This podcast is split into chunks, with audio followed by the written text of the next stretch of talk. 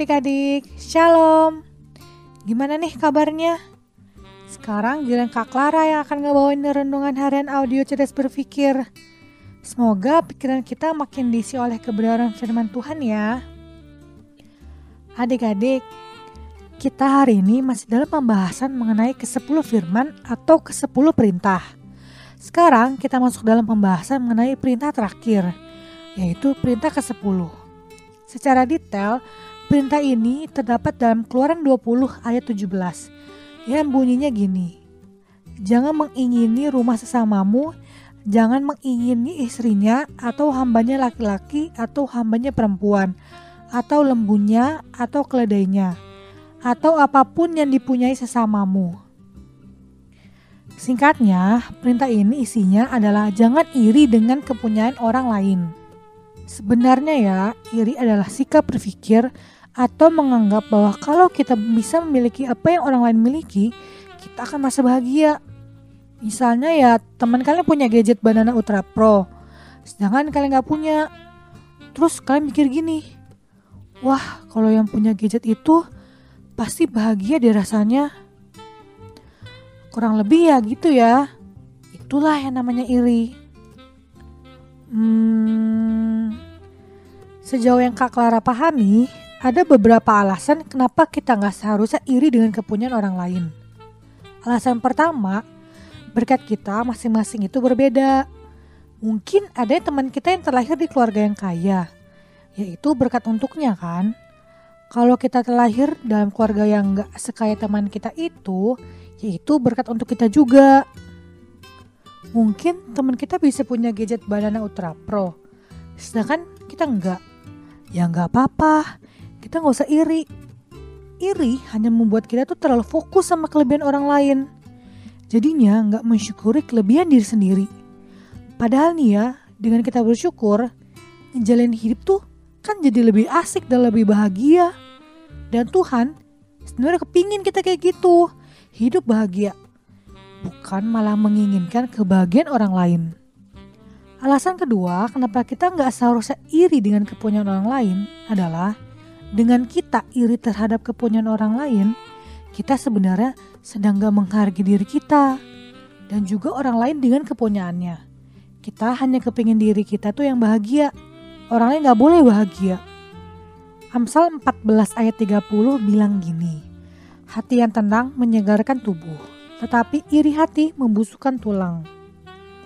Adik-adik, Kak Clara gak tahu nama penyakitnya ya, tapi kalau kita mengalami pembusukan tulang, itu pasti nggak enak banget rasanya.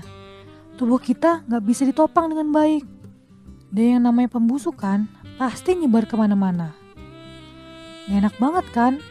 Seenggak enak itulah yang namanya iri hati. Kak Clara mau ngasih tips nih supaya kita bisa terhindar dari iri hati. Tips pertama, ya bersyukur. Kayak yang udah disinggung tadi yang kedua, sadarilah bahwa ternyata hidup orang lain itu gak seenak yang kita duga. Kalau kita yang punya barang kepunyaan dia. Misalnya, Tono iri sama Tony yang punya mobil sport canggih. Pintu mobilnya bisa kebuka sendiri.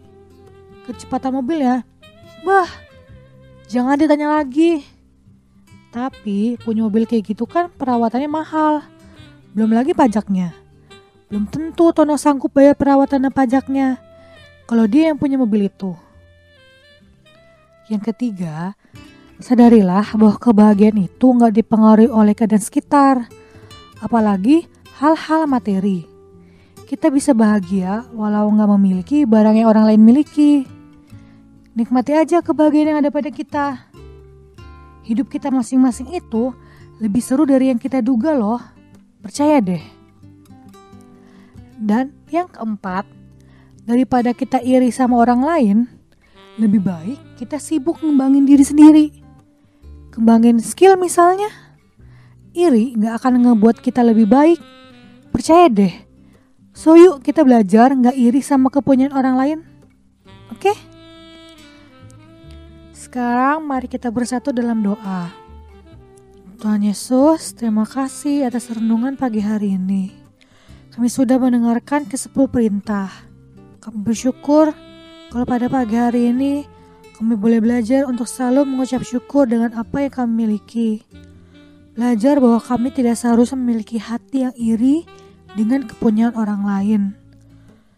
Bimbing kami terus agar kami selalu sadar bahwa hidup kami memiliki berkatnya masing-masing.